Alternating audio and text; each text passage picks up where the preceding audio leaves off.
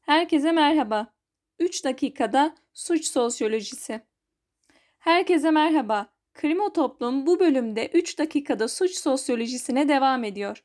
Cinsiyet ve suç ilişkisini ele alacağız. Haydi başlayalım. Öncelikle gender kavramından bahsetmek isterim. Çünkü gender toplumsal cinsiyet demektir.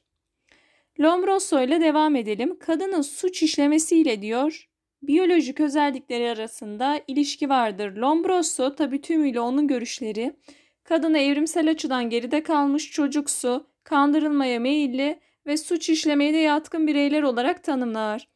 Bu yüzden de Lombroso biyolojik görüşü, ekolü benimsediği için kadın suçluluğuyla onun fizyolojik özellikleri ve biyolojik özellikleri arasında bir bağ kurar. Sutherland ise der ki, kadının toplumsal yaşamda edindiği rol farklılaşınca suç işlemesi de farklılaşabiliyor, suç oranı da değişebiliyor.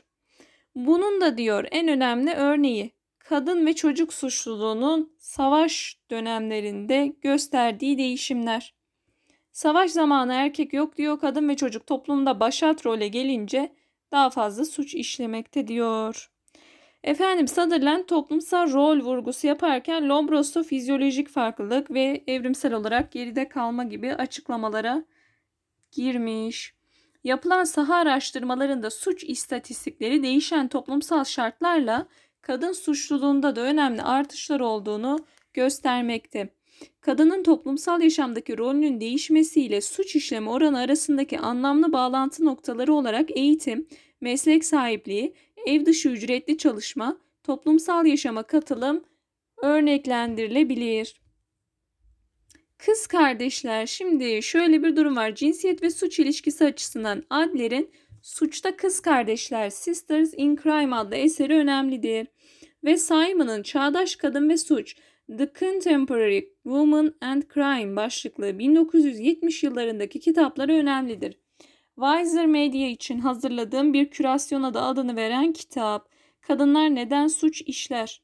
Her iki çalışma kadınların işledikleri suç oranlarındaki artışı kadının toplumdaki rolünün değişimine bağlar.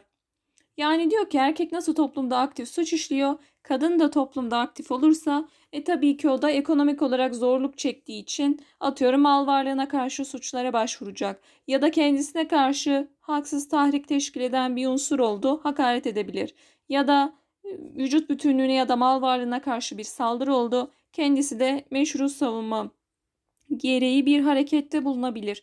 Ne oluyor? Kadın da toplumun içinde olursa suç işleyeceği faktörler oluşabilir deniyor. Genel uzlaşı burada. Bir de korumacılık görüşü var. Hemen kısaca ona da değineceğim. Diyor ki kadınların erkeklerle karşılaştırıldığında adalet sistemi tarafından daha hafif cezalandırılmalarını savunuyor. Onları koruyalım, savunalım. Tabi bu görüşe Efendim 1950'lerde Amerika'da Medeni Haklar Hareketi karşı çıkmış. Sonra bu feminist teorilerle destekleniyor. Ya biz de erkeklerle eşit olalım. Bizi ne koruyun ne daha ağır cezalandırın. Eşit şekilde yargılanalım diyen, aşağıda görünmeyelim diyen bir anlayışta doğuyor. Kadının kötücüllüğü ise erkeklere göre daha ağır şekilde cezalandırmak, kadınları zayıf görmek, daha suça eğilimli görmek gibi saygılar, sevgiler.